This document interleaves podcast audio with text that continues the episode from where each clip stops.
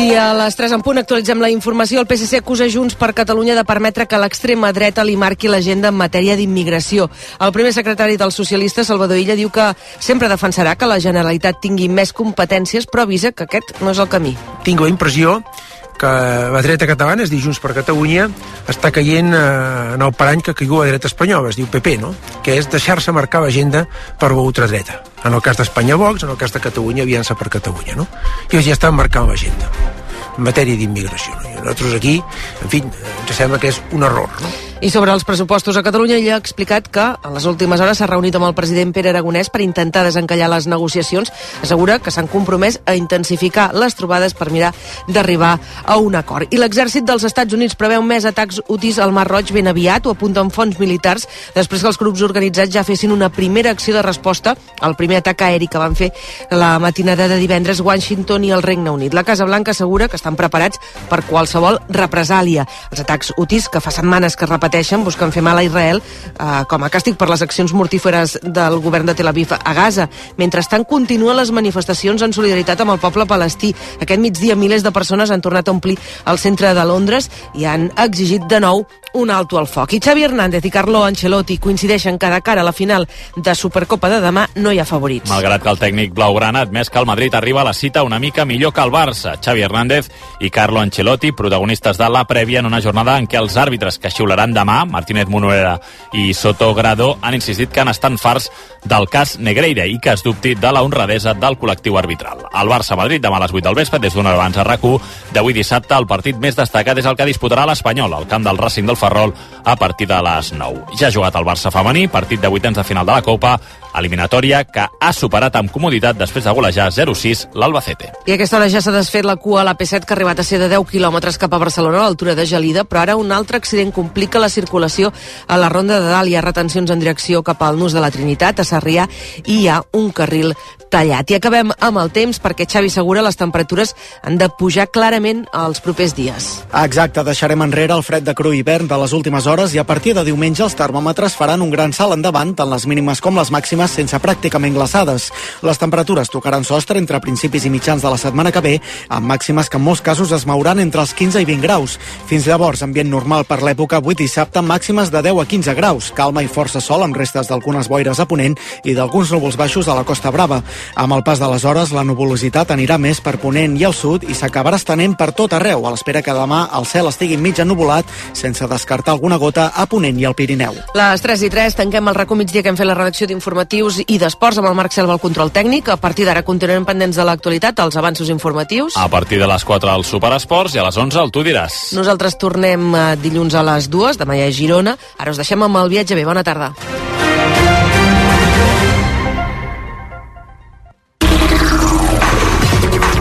Actualització constant a rac El portal de notícies de RAC1. R-A-C-U.C-A-T Teniu la maleta a punt, oi? Perquè ara mateix sortim de viatjar. A RAC1, viatja bé, amb Esther Muñoz.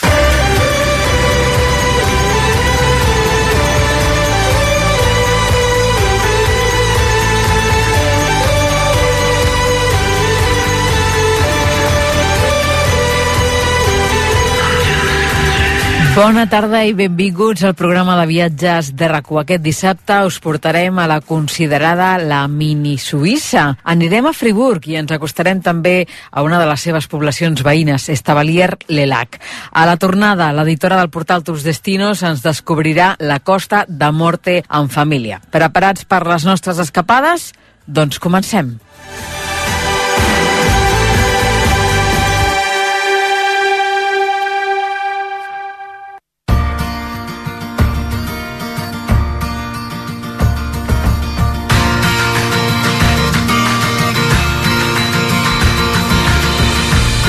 El viatge ben volat ja en dues ocasions a Suïssa. La passada temporada us varen portar al nord, a Basilea, i l'anterior al sud, a Ginebra. Aquesta tarda anem fins a Friburg, una regió interior que està considerada la mini Suïssa. I és que es tracta d'un territori que sintetitza tots els encants del país. Muntanyes poderoses, llacs impressionants, molt tranquils, ciutats vibrants, un jardí de contrastos on podrem descobrir les seves tradicions i viure també grans experiències relacionades amb productes de la gastronomia típica tan famosos com són el seu formatge i la seva xocolata. Per conèixer de primeríssima mà tot el que ens ofereix Friburg, avui tenim a nosaltres una de les persones que millor la coneix. Es tracta de la guia turística Alicia Daguet. Alicia, bona tarda, buenas tardes y bienvenida al Viatge de RACU. Buenas tardes, un gusto estar con ustedes. El gusto es nuestro. Bueno, primero de todo, Alicia, vamos a situar a los oyentes. Eh, tú eres argentina y hace prácticamente 20 años que vives y trabajas en Friburgo, una región que es como una pequeña Suiza, ¿no? Lo decíamos en la presentación, ¿no? Porque ofrece todos los atractivos de este país. ¿Esa sería la mejor definición para Friburgo? Sí, efectivamente. Es, es la mejor definición. Vos lo has dicho. Friburgo es como una pequeña Suiza. Porque imaginemos Suiza. ¿Qué, ¿En qué pensamos? Y lógicamente nos viene al espíritu, nos vienen las montañas, la nieve, los prados verdes, lagos con aguas cristalinas en, primavera, en verano. Imaginamos también los quesos, la fondue de queso, los chocolates.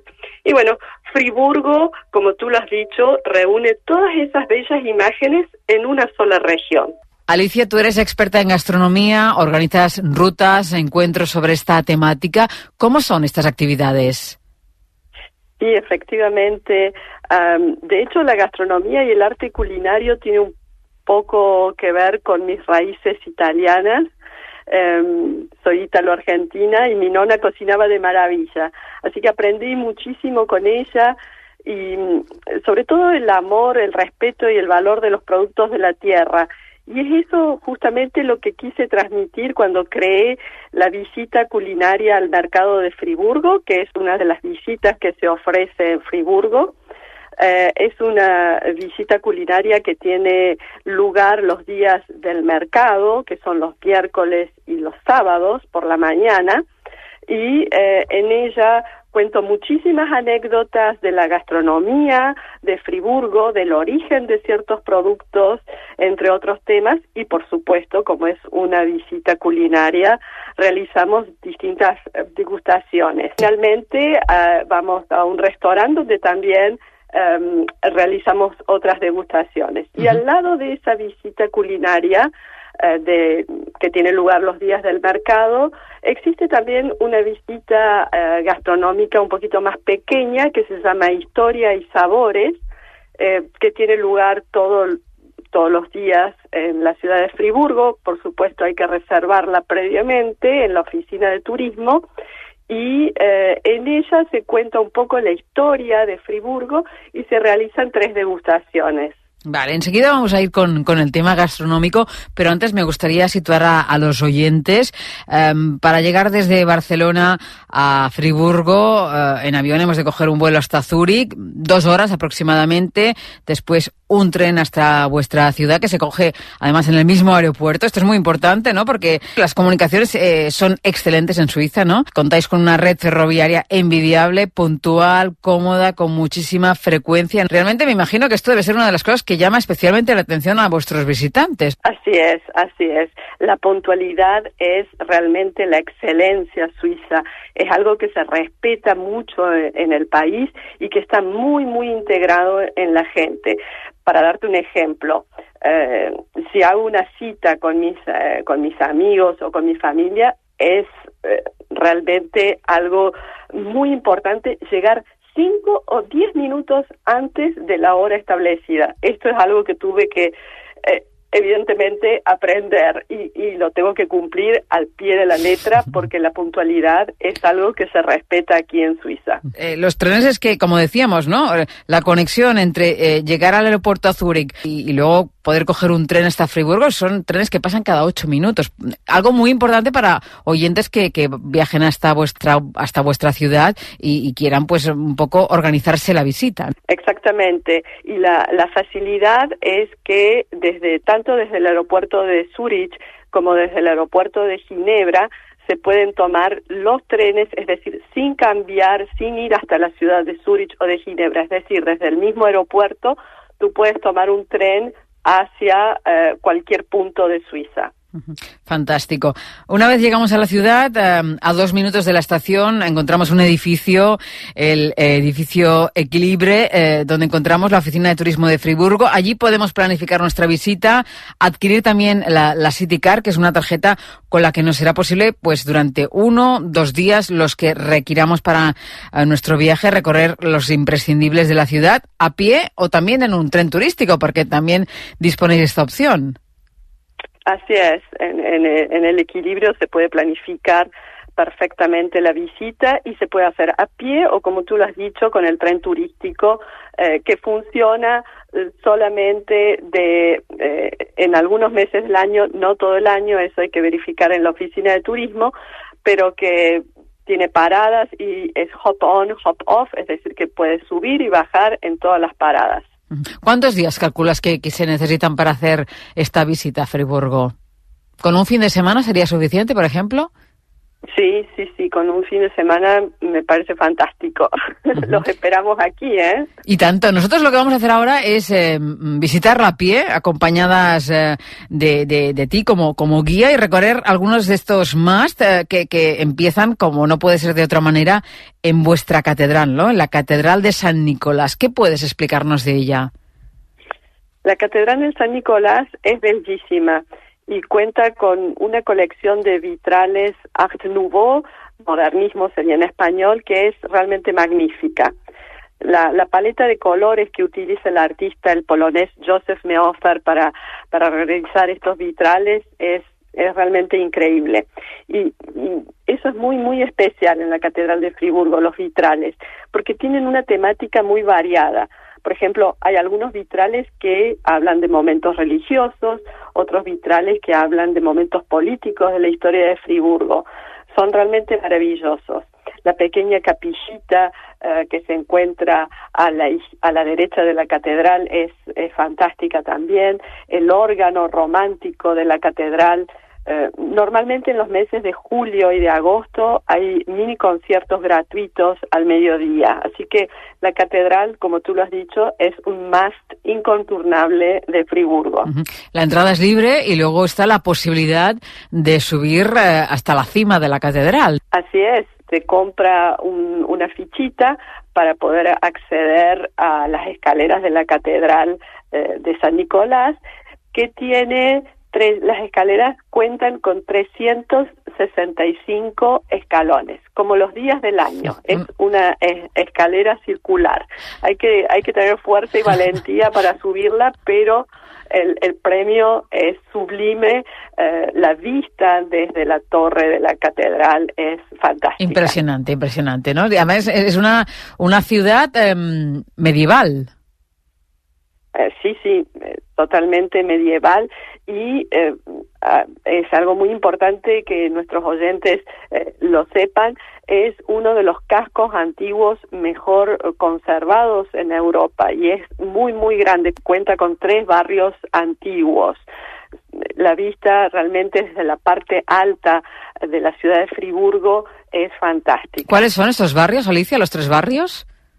Los tres barrios son el Burgo, donde la ciudad fue fundada en 1157. Burgo significa ciudad, creo, ¿no? Así es, sí. El Burgo es la, ciudad. Eh, luego el barrio del Auge, que se escribe A-U-G-E, se pronuncia Auge, eh, muy, muy bonito. Eh, la Naville, que significa nueva ciudad, pero es parte del casco antiguo, y esos son los tres barrios eh, preciosos que eh, por los cuales el río Sarín eh, atraviesa el casco antiguo. Fantástico. Escucha, hablábamos antes de mm, la catedral y es que para ir hasta ella se puede pasar por una de las calles emblemáticas de la ciudad, que además tiene una historia muy, muy curiosa, ¿no? Hay una leyenda urbana de esta calle a la que me estoy refiriendo y que es mm, muy instagrameable, ¿no? Que es la calle de los esposos. Así es la pequeña callecita de los esposos. Es muy graciosa esta, esta callecita, aparte que es preciosa, es una callecita gótica y que está coronada con un arco un poquito más moderno, bastante más moderno en realidad, eh, que eh, tiene una parejita con los trajes típicos de la parte suizo-alemana de Friburgo, porque Friburgo mm, es los dos, ¿ah? francés y suizo-alemán. Y eh, de un lado del arco está escrito en francés, esta es la calle de los esposas fieles y la esquina de los maridos modelos. Y del otro lado está escrito algo en suizo-alemán muy gracioso que la verdad es que tienen que venir para descubrirlo y leerlo ustedes por sí mismos. Ahí lo dejamos, es, ¿eh? Es algo muy típico. Ahora que comentabas, ¿no? El tema eh, de, de, los idiomas en Suiza, a nivel de comunicarnos, ¿se habla francés, se habla suizo, se habla alemán? ¿Cuál es la mejor manera de entendernos? ¿O, o, o las tres son válidas? Las tres son válidas. Se habla el francés, el suizo-alemán, uh, se habla el italiano en el cantón del Ticino y se habla el romanche, que es una lengua derivada del latín que se habla en el cantón uh, de Grisons, que es el cantón que está al que colinda con Austria. Así que tenemos cuatro lenguas nacionales. Uh -huh. Ahora que nos explicabas eh, las vistas eh, maravillosas que se obtienen desde eh, la parte superior de la catedral, otra de las cosas que se ven son los puentes, ¿no? Porque son otro de los atractivos, ¿no? De Friburgo. Paseando por la ciudad también nos encontramos con diversos, entre ellos está el de Berna, que es el único puente de madera que se conserva en la ciudad y por debajo del cual pasa el río Sariné. Exactamente. El puente de Berna, que tiene un, un techo, un, es un puente capilla de madera, eh, pero no es el único, como tú lo has dicho, hay varios puentes y cada uno tiene su particularidad y su, y su historia, porque Friburgo es conocida como la ciudad de los puentes, porque el hecho de que el río Sarín hace dos meandros en el casco antiguo de la ciudad, hubo que construir varios puentes, pero también es un puente eh, de una manera un poco más metafórica entre las dos culturas, la cultura suizo-francesa y la cultura suizo-alemana. Uh -huh. Un puente por el que circulan coches y peatones al mismo tiempo. ¿eh? Es una convivencia fantástica. La verdad es que no hay problemas. Sí, así es. Aquí son muy, en general, muy, muy respetuosos del peatón y siempre se les cede el paso. Uh -huh. Además, además, un puente que está muy cuidado, no solo la madera, ¿no? sino todo el aspecto natural y floral, ¿no? porque vayas en la época en la que vayas, las flores florecen. Sí, sí, sí, así es. Siempre el puente, el, en general todo está muy, muy, muy bien cuidado. Después hay otro puente que tiene un nombre muy, muy curioso, con una connotación aquí en, en, en nuestro país, que es el puente de la polla. Es un puente suspendido, ¿no? Eh, y además es el puente más contemporáneo que tenéis, ¿no? ¿Por qué se llama así, Alicia? sí, efectivamente, es un poco gracioso. En realidad, la, la, polla lo que significa es deriva del patois, que es un, un, un dialecto que se hablaba aquí, ¿eh? antes que se hablara el francés, y en realidad la polla significa cuando las vacas suben a, las, a, a, la montaña cada año en la primavera uh -huh. y es una celebración de la naturaleza.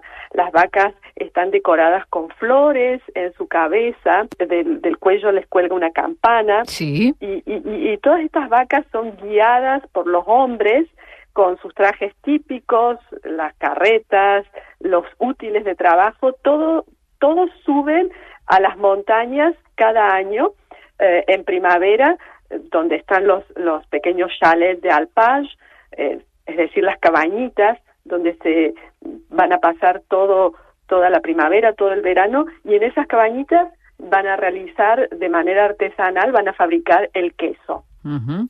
eh, estamos hablando de, de la transhumancia, vaya.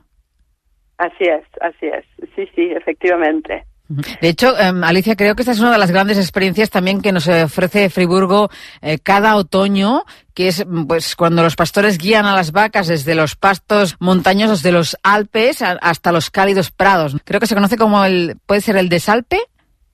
Exactamente, es decir, que la polla es cuando las vacas suben a la montaña en prima, para pasar la primavera y el verano, ¿Sí? y la desalpe es lo contrario, cuando las vacas bajan en otoño para ya dirigirse al establo donde pasarán el invierno. Es decir, que las dos, las, los dos periodos son celebraciones muy, muy importantes aquí en el cantón de Friburgo. Por tanto, eh, los oyentes que opten por ir en otoño encontrarán una gran eh, celebración de, de Desalpe, vaya. Totalmente, totalmente. Y no es la única celebración aquí en Friburgo. También tenemos la Benichon, que es una fiesta tradicional en el otoño y eh, que celebra todos los frutos, toda la recolta que nos da la, la, naturaleza.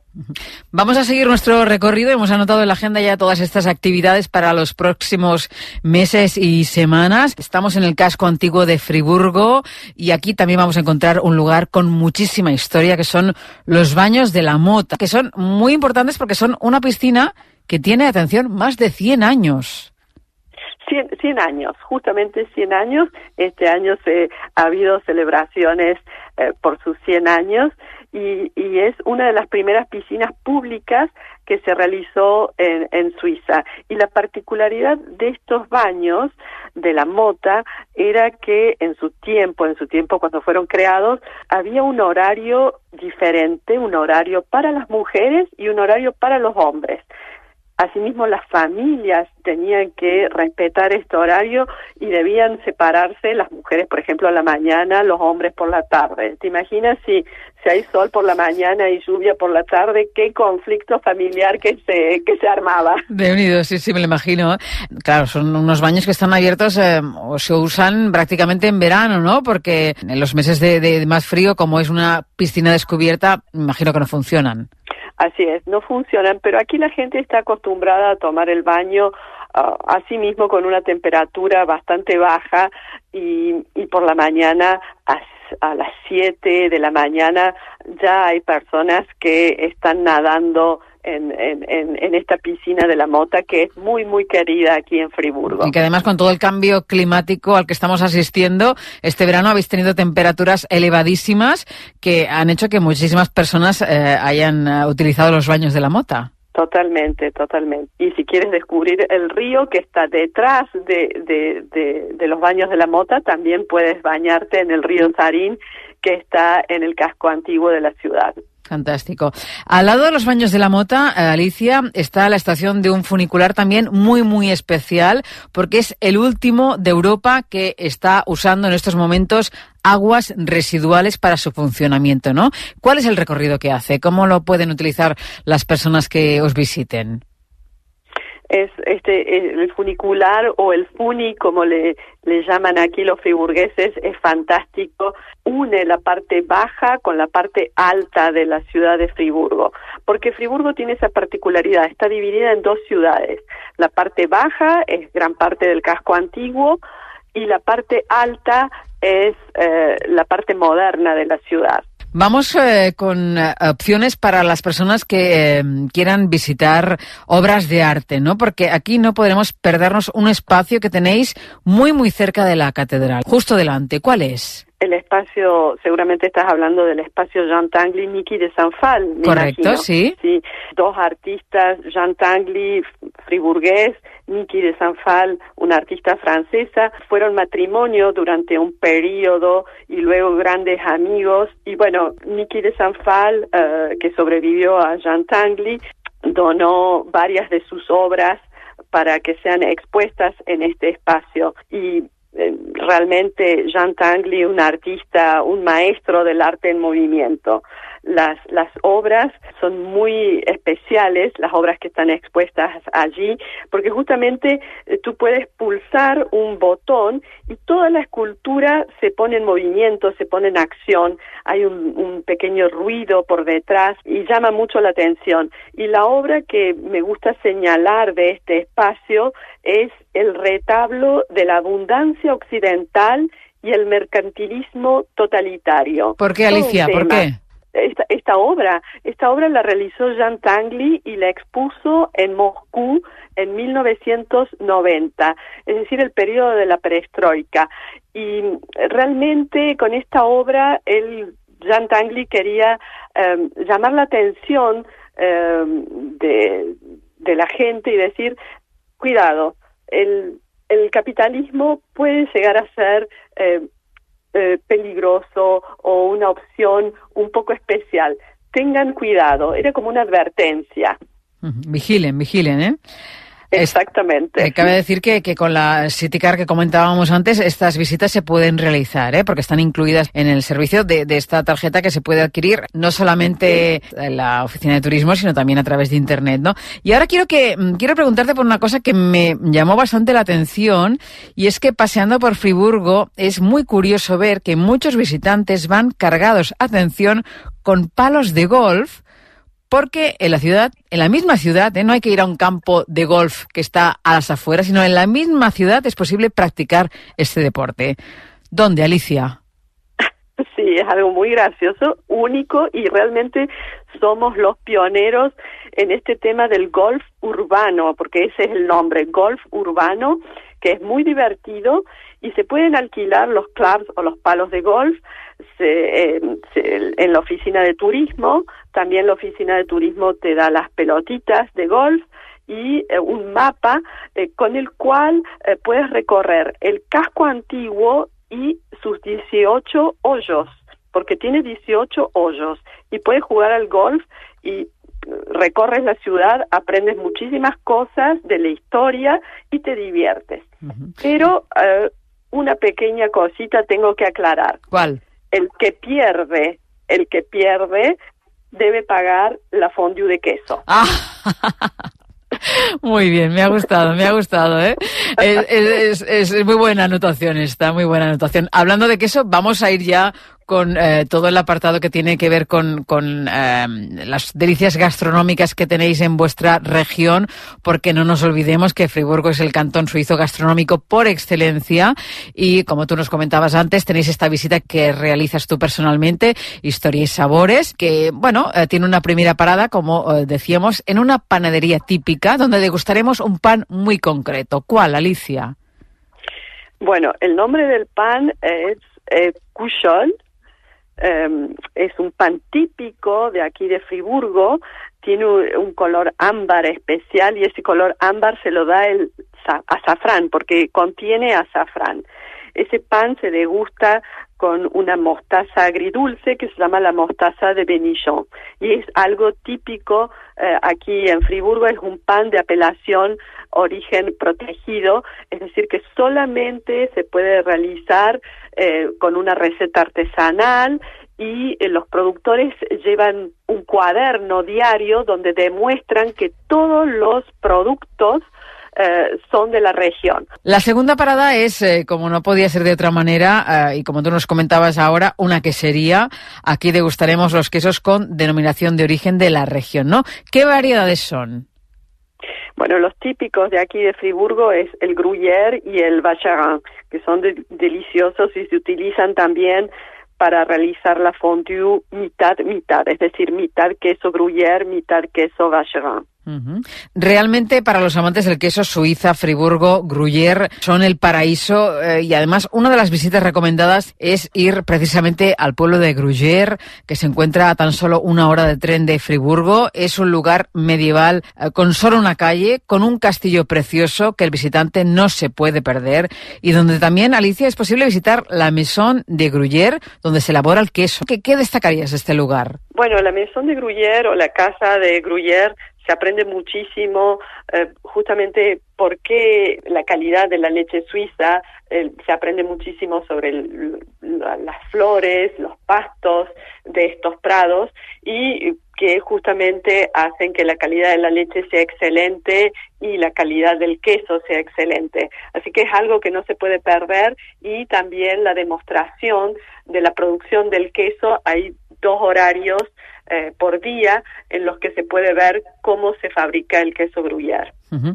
Y como contrapunto, mmm, hay un lugar increíble también en Gruyère para los amantes de las películas de Alien, porque su creador es suizo y tiene allí un museo y también tiene un bar. Así es, sí, es algo muy especial que contrasta eh, con la ciudad medieval que es Gruyère, porque es algo totalmente moderno, extraordinario, eh, y justamente Giger, eh, que, quien era suizo, imagina este personaje de la película Aliens, eh, es un personaje extra, extraterrestre, aterrador, es una mezcla de biología y de mecánica y es un museo muy, muy interesante a visitar, para visitar. Y el bar eh, del cual tú hablabas, eh, es un lugar donde a la gente le gusta mucho ir, tomarse una fotografía, eh, es muy especial con sus arcos ojivos que parecen arcos como de catedrales, pero que en realidad son son columnas vertebrales. Es algo muy, muy impresionante. Sí, sí, es que la verdad es que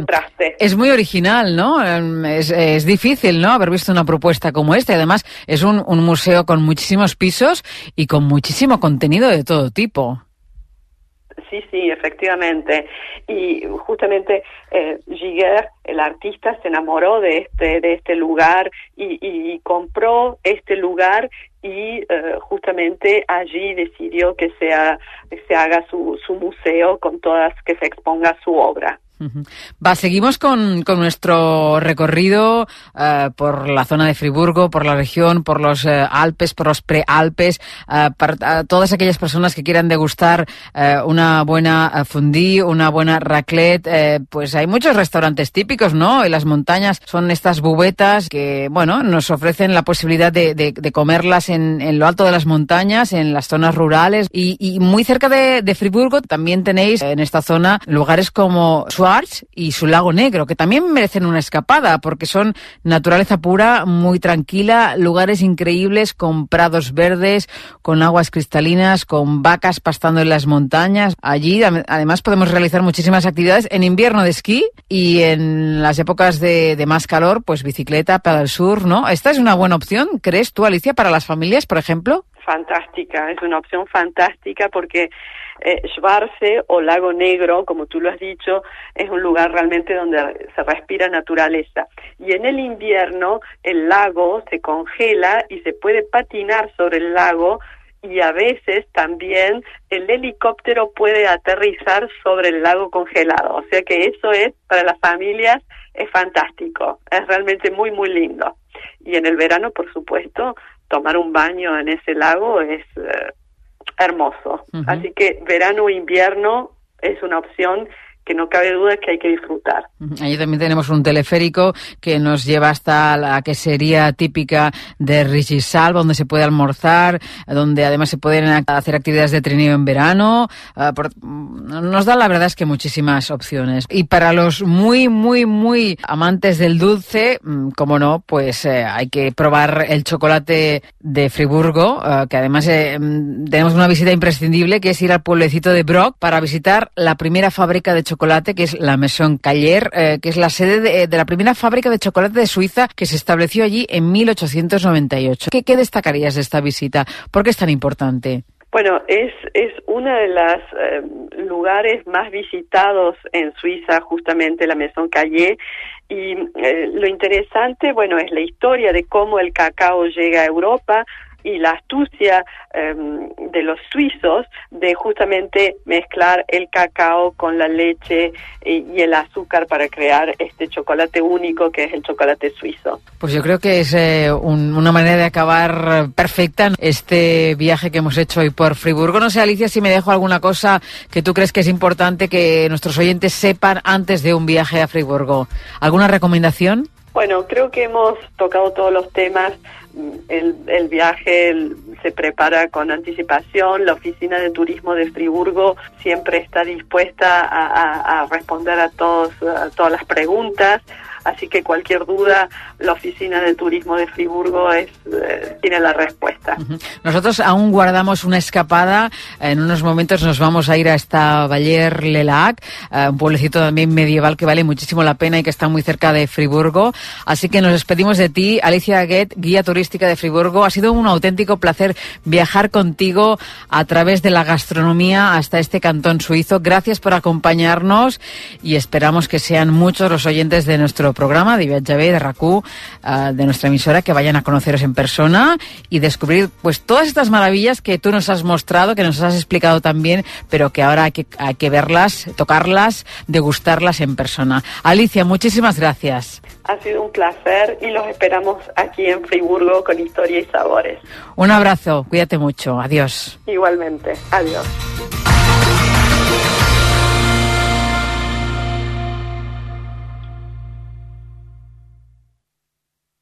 RAC1. Aquest dissabte a les 4, Superesports a RAC1 amb Xavi Puig. A les 6, bàsquet, Girona-Palència de la Lliga ACB. A dos de set, el derbi basc de futbol masculí. Atlètic de Bilbao Reial Societat. A tres quarts de nou, Joventut Saragossa de bàsquet. I a les nou, el Racing de Ferrol Espanyol de segona amb Bedu de Batlle, Joan Camí i els comentaris de Dani Solsona.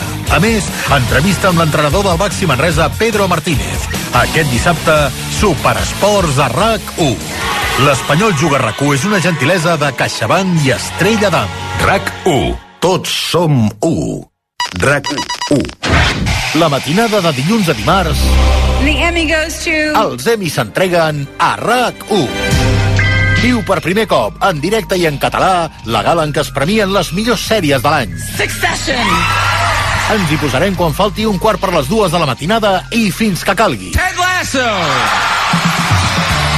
Un programa presentat per Joan Lluís Garcia i amb els comentaris de David Broc, Alejandra Palés, Pere Solà Ginferrer i Blai Morell. And the Emmy goes to The Crown. La matinada de dilluns a dimarts, els Emmy s'entreguen a RAC1.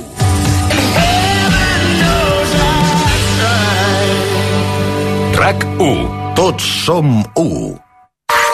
Tot el que passa a RAC1 dins i fora de la ràdio ho trobaràs a rac1.cat. RAC1 us està oferint Viatge bé amb Esther Muñoz. us està oferint Viatge bé amb Esther Muñoz.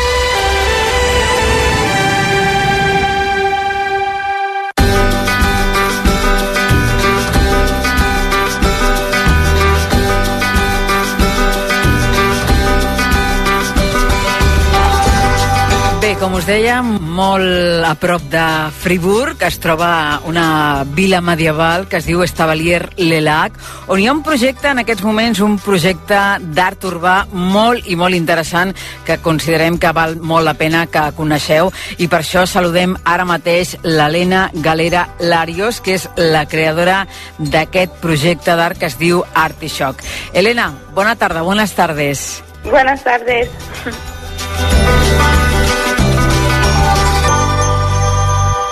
Bueno, primero me gustaría que nos situaras, que nos explicaras exactamente dónde está Estavayer-le-Lac y a qué distancia se encuentra de Friburgo. Sí, bueno, Estavayer-le-Lac es una pequeña ciudad de poco menos de 5.000 habitantes y está situada al lago de, lago de Neuchâtel, entonces a 40 minutos de, de Friburgo y, y también de Lausanne.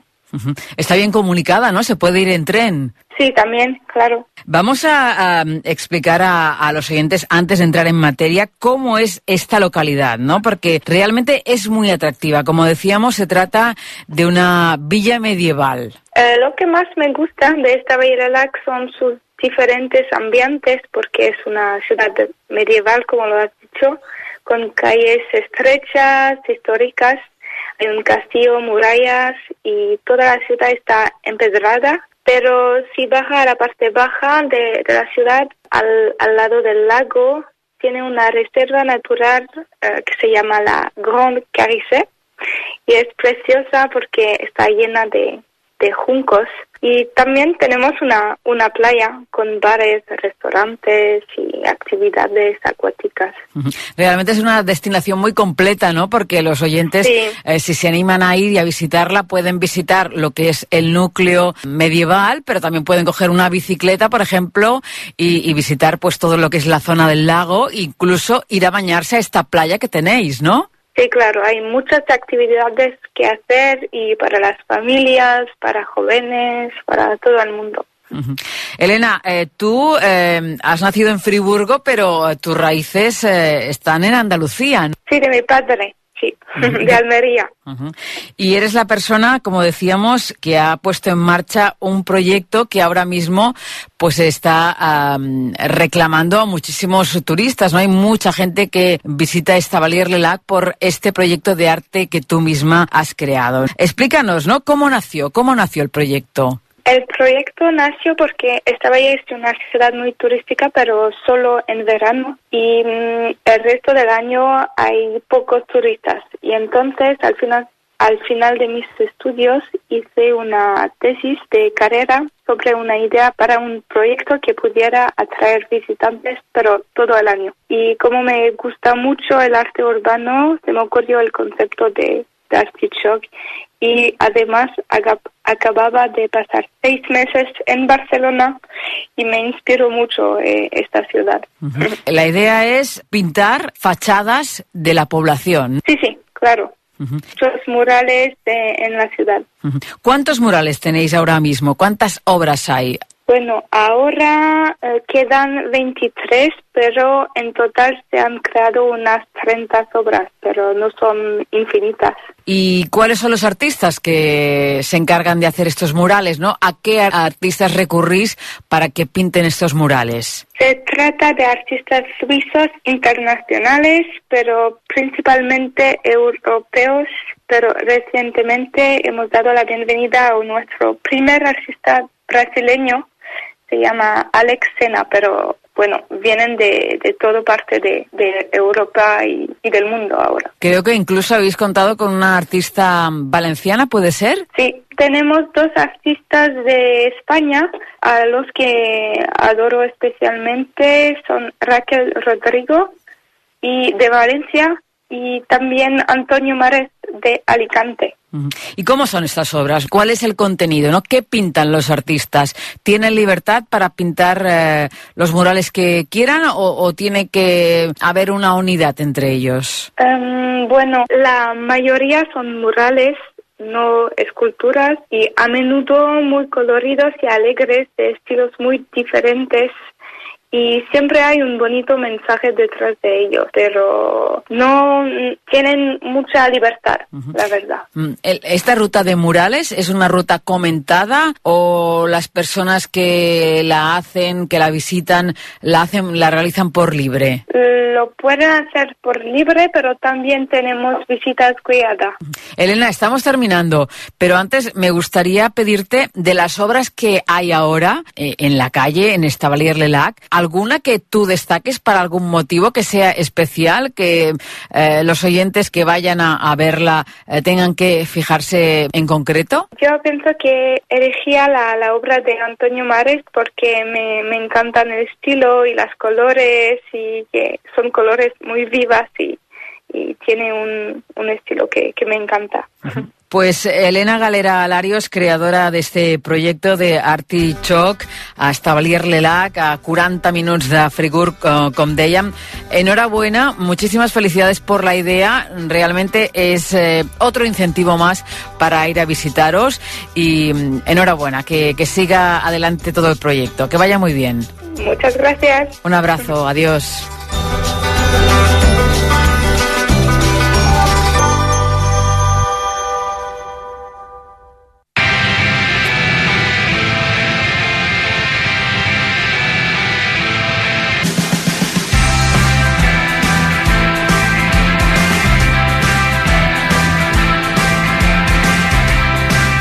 Ha arribat el moment de viatjar en família al Viatge Bé i per això ens acompanya cada mes l'editora del portal de viatges tusdestinos.net, Mària Jesús Tomé. Jus, bona tarda. Bona tarda, Esther. Benvinguda a l'estudi. Moltes gràcies. Avui has vingut amb tota la família. Avui Tenim vingut amb tota la família a la d'estudi. peixera. Sí. Si vols, abans d'acabar la secció, que entrin i que ens donin una miqueta la, la seva opinió sobre aquesta destinació que parlarem avui, no?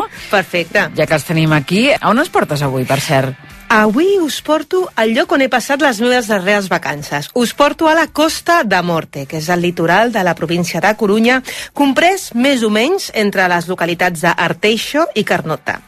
Estem parlant de les vacances de l'estiu passat. Correcte, les vacances de l'estiu passat. I per què? Per què vareu triar aquesta destinació? Uh, normalment les vacances d'estiu Galícia és un dels comodins i sempre intento descobrir indrets nous i en aquest cas m'he decidit per la Costa de Morte perquè és una costa molt salvatge amb uns racons que val la pena descobrir també perquè no la coneixia en profunditat. I perquè tu tens els orígens allà, també. Correcte, sí senyora, eh? sí senyora, sí. Per què se li diu Costa de Morte? Mira, la Costa de Morte, fàcilment, és Costa de Mort en català, És un nom que la, la van batejar a principis del segle XX perquè allà es van registrar nombrosos naufragis, enfonsaments i tragèdies marítimes. Tingues en compte que és una costa molt retallada, amb penya-segats, esculls, roques, i a més, a l'hivern hi ha molts temporals. Tot això ho fiques en una coctelera i fa que sigui un mar molt, amb molta traïció pels, pels vaixells. I per això hi van haver-hi molts enfonsaments i hi ha mort moltíssima gent i per això se li diu la costa de la mort, la costa de mort, eh? Una terra de, de molt de misteri, de llegendes, també de mites, no? Correcte, i amb una gran bellesa paisatgística, molt d'interès cultural i és una zona única per visitar. Mm -hmm. Quins indrets eh, ens recomanaries, Xus, d'aquesta costa de Morte? Mira, a mi hi ha una localitat portuària que m'agrada molt, que és Malpica. Malpica és una localitat que està amb una ensenada i a més que eh, hi ha un port, que és un dels ports més importants de, de, de la costa de Corunya, i és on es fan eh, unes subhastes cantades, que són molt interessants. És una subhasta que es fa amb un amb gallec, òbviament, i a més ho fan d'una manera tan ràpida que si tu arribes a entendre alguna frase, jo crec que et poden donar ja el C2 de gallec directament. perquè és, és, és molt divertit, molt entretingut i a més fa, és, és molt enxebre, com diuen allà, és molt, molt típic. Uh -huh. I a més al port de Malpica treballen a les redeires, que són les dones que acusen les xarxes per la pesca. I està molt bé perquè no només arreglen les xarxes, sinó també eh, hi fan unes eh, creacions artesanals, com per exemple bosses, carteres o quadres de nusos marins. I això eh, és un exemple de reutilització i reciclatge, perquè d'aquesta manera a les xarxes antigues se li dona una altra vida. I és un, és un tema que a mi em va agradar molt quan ho vaig veure, pel tema del reciclatge i la sostenibilitat, que en turisme és un dels temes que ara s'està treballant molt. Per tant, si anem directament a aquesta localitat portuària, eh, podrem veure aquesta subhasta i també aquestes eh, dones treballant, no? Sí, eh, els veurem treballant i a més eh, són molt amables, t'expliquen el que fan i d'alguna manera també aprens una manera que es pot reciclar aquestes xarxes de pesca. Uh -huh. A més a més, proposes, eh, juntament amb aquesta activitat sostenible, fer a peu un, un camí, no? Sí, a veure, si a la gent que li agrada el senderisme, que li agrada caminar, hi ha el Camino dos Faros, que és una ruta de senderisme de 200 quilòmetres, que uneix Malpica amb Finisterre per la boda del mar i passa pels principals fars i punts d'interès a la Costa de Morte, com és la Punta Nariga, el Cabo Vilan, el Laxe o el Cap de Fisterra, que és el més conegut. Mm -hmm. També és molt coneguda, Xus, la Costa de Morte hi ha una localitat que segurament els nostres oients tindran identificada, que és Muixia. Correcte. És coneguda, tristament, per la tragèdia del Prestige, ara fa 21 anys, i de fet hi ha un monument que es diu Aferida, que recorda aquest enfonsament. Jo recomano passejar pel port, Um, quedar-te a dinar en un dels restaurants que hi ha pel port, que a més són molt barats i pots uh, menjar uh, marisc i peix amb molt bona qualitat i amb un molt, molt bon preu. Descobrir algunes de les seves platges i visitar el santuari de la Virge de Barca, que aquest indret és com una mena d'epíleg del camí de Santiago perquè molts pelegrins, després d'arribar a Compostela, continuen el camí fins a Fisterra, uh -huh. però abans es passaven per aquest santuari que és del segle XII. Per tant, tota la gent que faci el camí de Santiago que tingui en compte aquesta proposta també, no? Sí, hi ha molta gent que diuen mira, jo tinc ganes de caminar més, eh, hem arribat, arribat a Santiago de Compostela, doncs anem cap a Fisterre, que són aproximadament uns 70 quilòmetres, però potser aniré més amunt i aniré a Moixí a veure el santuari d'aquest de, la, de la Virge de Barca, que també té una gran connotació doncs, espiritual, per això molts pelegrins també s'hi apropen. És una proposta Clar més. que sí, és sí. una extensió, no? Una extensió, sí, és una pila, que és un bon punt i final del Camí de Santiago. Algú que amb més ganes de caminar, doncs eh, pot fer aquesta extensió fins a Moixia, no? I algun altre lloc que ens recomanis a banda de Moixia, a, a la Costa de Morte? Òbviament Fisterra. A veure, Fisterra és el que li dona la personalitat a la Costa de Morte, és el fet de ser el límit occidental d'Europa. Tu tingues en compte que els romans, quan arribaven a Fisterra i veien a la posta de sol, es pensaven que el món s'acabaven allà. Fisterra, Finisterrae, la fi de la terra. I és una escena que el fet de la posta de sol a Fisterra que està gravada en la imaginació col·lectiva de, de molta gent, de, dels antics. Però jo et diré un secret. Quin? Fisterra, a més, no és el punt més occidental de l'estat. El punt més occidental d'Europa és el Cap de Roca, a Portugal. O sigui que molta gent pensa que Fisterra és el punt més occidental d'Europa i que ja s'acabava el món. No, estem parlant que és el Cap de Torinyan, i després d'Europa continental està Portugal, que és el Faro de Roca. Que aquests són dos apunts que jo crec que s'han de tenir en compte. Tot i que Fisterre té una màgia també que recomano veure la posta de sol allà. És molt maco. Uh -huh. uh, hi ha una petita joia a la platja de Lourido. Sí, de fet, és un dels meus allotjaments preferits des de ja que és el parador de Costa de Morte, per varis motius. Primer perquè és un exemple de sostenibilitat. És uh, un arquitecte gallec que es diu Alfons Panela.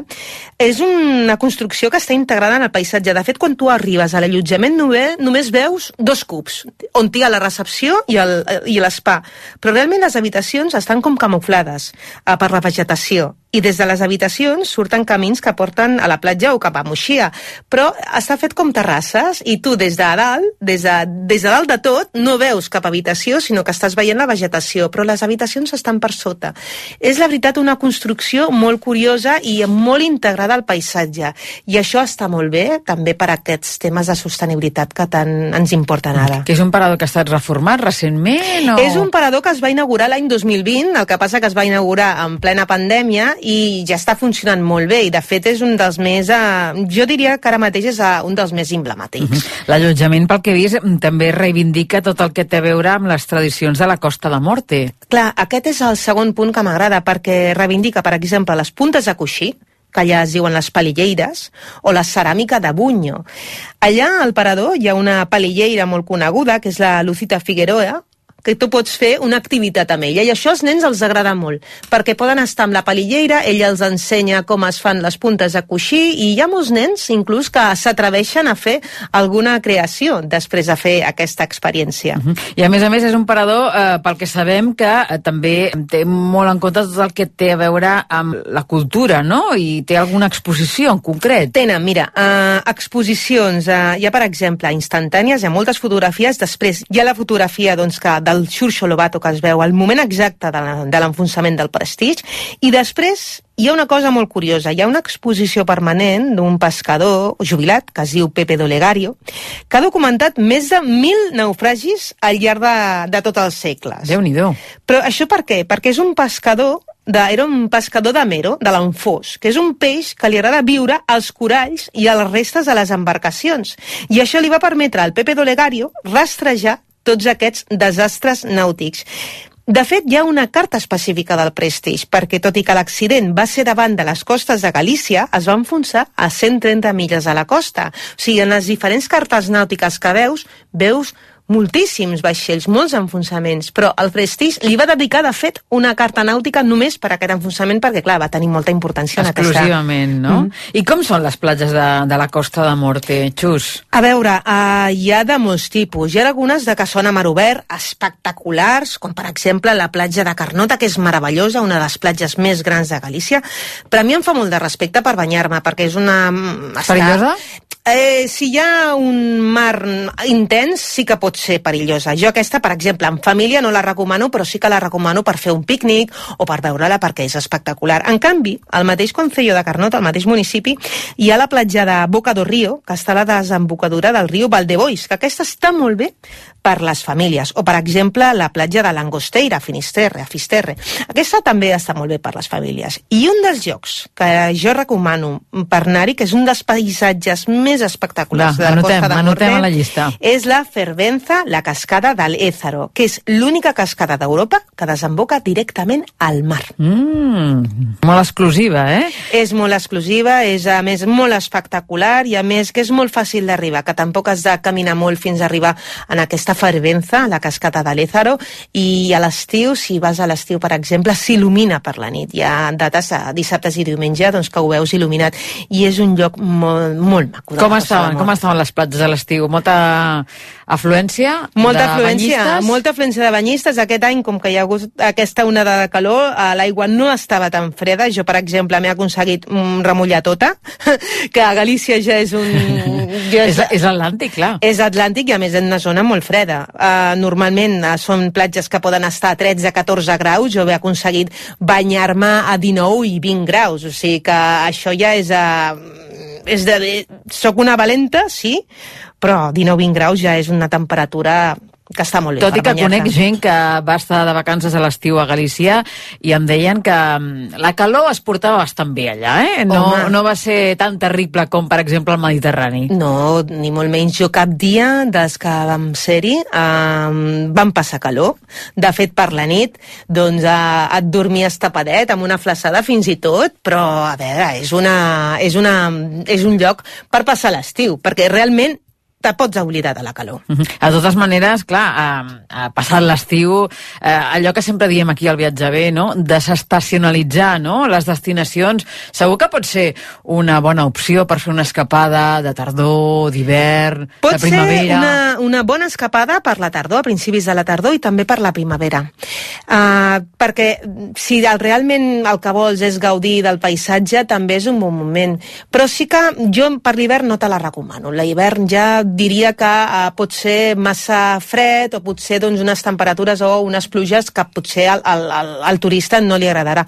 Però primavera, tardor i estiu, de totes totes. Fantàstic. Doncs escolta'm, eh, Xus, dèiem a l'inici de la secció que avui has, has vingut acompanyada per la família. Aquesta secció en família explica cada mes doncs, eh, les aventures de la Xus Tomé, editora del portal de viatges tusdestinos.net, que es fa doncs, eh, colze a colze amb el teu company, amb el Joan. Joan, bona tarda. Hola, bona tarda. El, el Joan és la persona que t'acompanya als viatges i que et fa de, de, de càmera, no? És el càmera, és el càmera dels vídeos Sóc que es poden no veure. El que no surt mai. El que no surt mai, exacte. El que està darrere, no? Sí. El que està darrere dels vídeos que fem i que fa molts anys que, que treballem junts, a banda de ser parella, i, i tenim un tercer integrant del grup, que és el Juanito, que és el que surt als vídeos, és el, el prota de molts vídeos. Juanita, bona tarda, benvingut. Bona tarda. Quants anys tens tu? 11. 11 i fa que viatges doncs, eh, des d'abans de néixer, eh? quan anaves a la panxa de la mare, eh? Sí. Quins records tens d'aquesta destinació que parlàvem ara, no? d'aquest estiu que has passat a, a Galícia aquest passat mes d'agost? Pues m'ho vaig passar molt bé i era bonic tot. Uh -huh. A més a més, és que s'ha de dir que tots els viatges que realitzeu, la mare i el pare eh, organitzen moltíssimes activitats perquè tu estiguis estimulat, no? Perquè t'agradi viatjar, perquè t'ho passis bé, perquè passi el temps ràpid, no? No sé si recordes alguna activitat concreta que hagis fet a l'estiu a, a Galícia i que nens com tu doncs, puguin realitzar durant els propers mesos, no? Algun record que tinguis? No sé, si a les platges o... A la direct- platja de... a la de Portosí, Què, et- què et va cridar l'atenció? Que mm, la- l'aigua estava molt freda. Ah, veus, és la diferència amb la nostra. I a nivell gastronòmic, que, que la mare sempre m'explica que també t'agrada tastar-ho tot, que t'agrada menjar bé, a Galícia es menja molt bé. Sobretot el pop. El pop eh, t'ha agradat, no? És, Sí. és, és, és una, un dels productes típics d'allà de Costa de Morte, no? Sí. Uh -huh. alguna, alguna activitat més, Xus, que, que pensis que és interessant de cara a les famílies que vagin amb De nens, cara a les famílies, per exemple, doncs, a fer recorreguts en bici o fer senderisme. I a més amb la temperatura aquesta que tenen, que no tenen tanta calor, és ideal. Les pots fer perfectament al migdia, que tampoc eh, tindràs calor. Per això dic que tenen un clima privilegiat ara per ara per nosaltres, perquè clar, doncs es pot eh, eh, fer recorreguts a peu, en bici, sense haver de dependre del temps. Mhm. Perfecte, i ara després d'aquest viatge a Galícia, què, què més teniu per endavant, no? Què diu el calendari de tus destinos? El calendari de tus destinos diu que hem de fer més viatges, hem de fer viatges per Catalunya, hem de fer viatges per l'Estat i també tenim algun altre viatge internacional que encara no podem desvetllar la destinació, però sí, sí que tenim molts viatges en endavant, sí. Doncs molt contents de que eh, avui al viatge bé que hem conegut i haguem sentit la veu de dos protagonistes que també d'alguna manera sempre ho són aquí a la secció perquè en parlem del Juanito, en parlem de Joan, veiem els seus vídeos que estan penjats tots al portal a tusdestinos.net i escolteu, torneu quan vulgueu, ja ho sabeu Moltes que les portes gràcies. estan obertes. Eh? Gràcies. Una abraçada, Xus, ens veiem el mes vinent. Ens veiem el mes vinent. Una abraçada. Adéu. Adéu, família.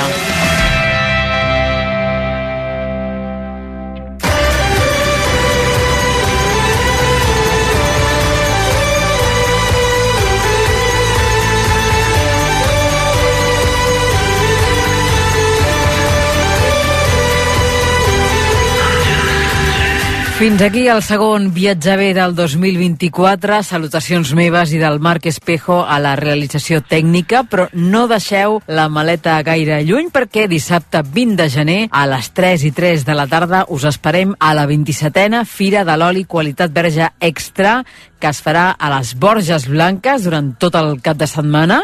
Nosaltres hi anirem a fer un programa per descobrir doncs, tota la diversitat d'olis de qualitat verge extra d'oliva que tenim al país. Un especial que farem amb el suport del patronat Fira de les Garrigues. Fins aleshores, us desitgem que acabeu de passar un molt bon cap de setmana i fins la setmana vinent. Que vagi molt bé. Senyores i senyors, en nom d'Ester Muñoz, gràcies per viatjar en Viatge B a rac i fins dissabte que ve.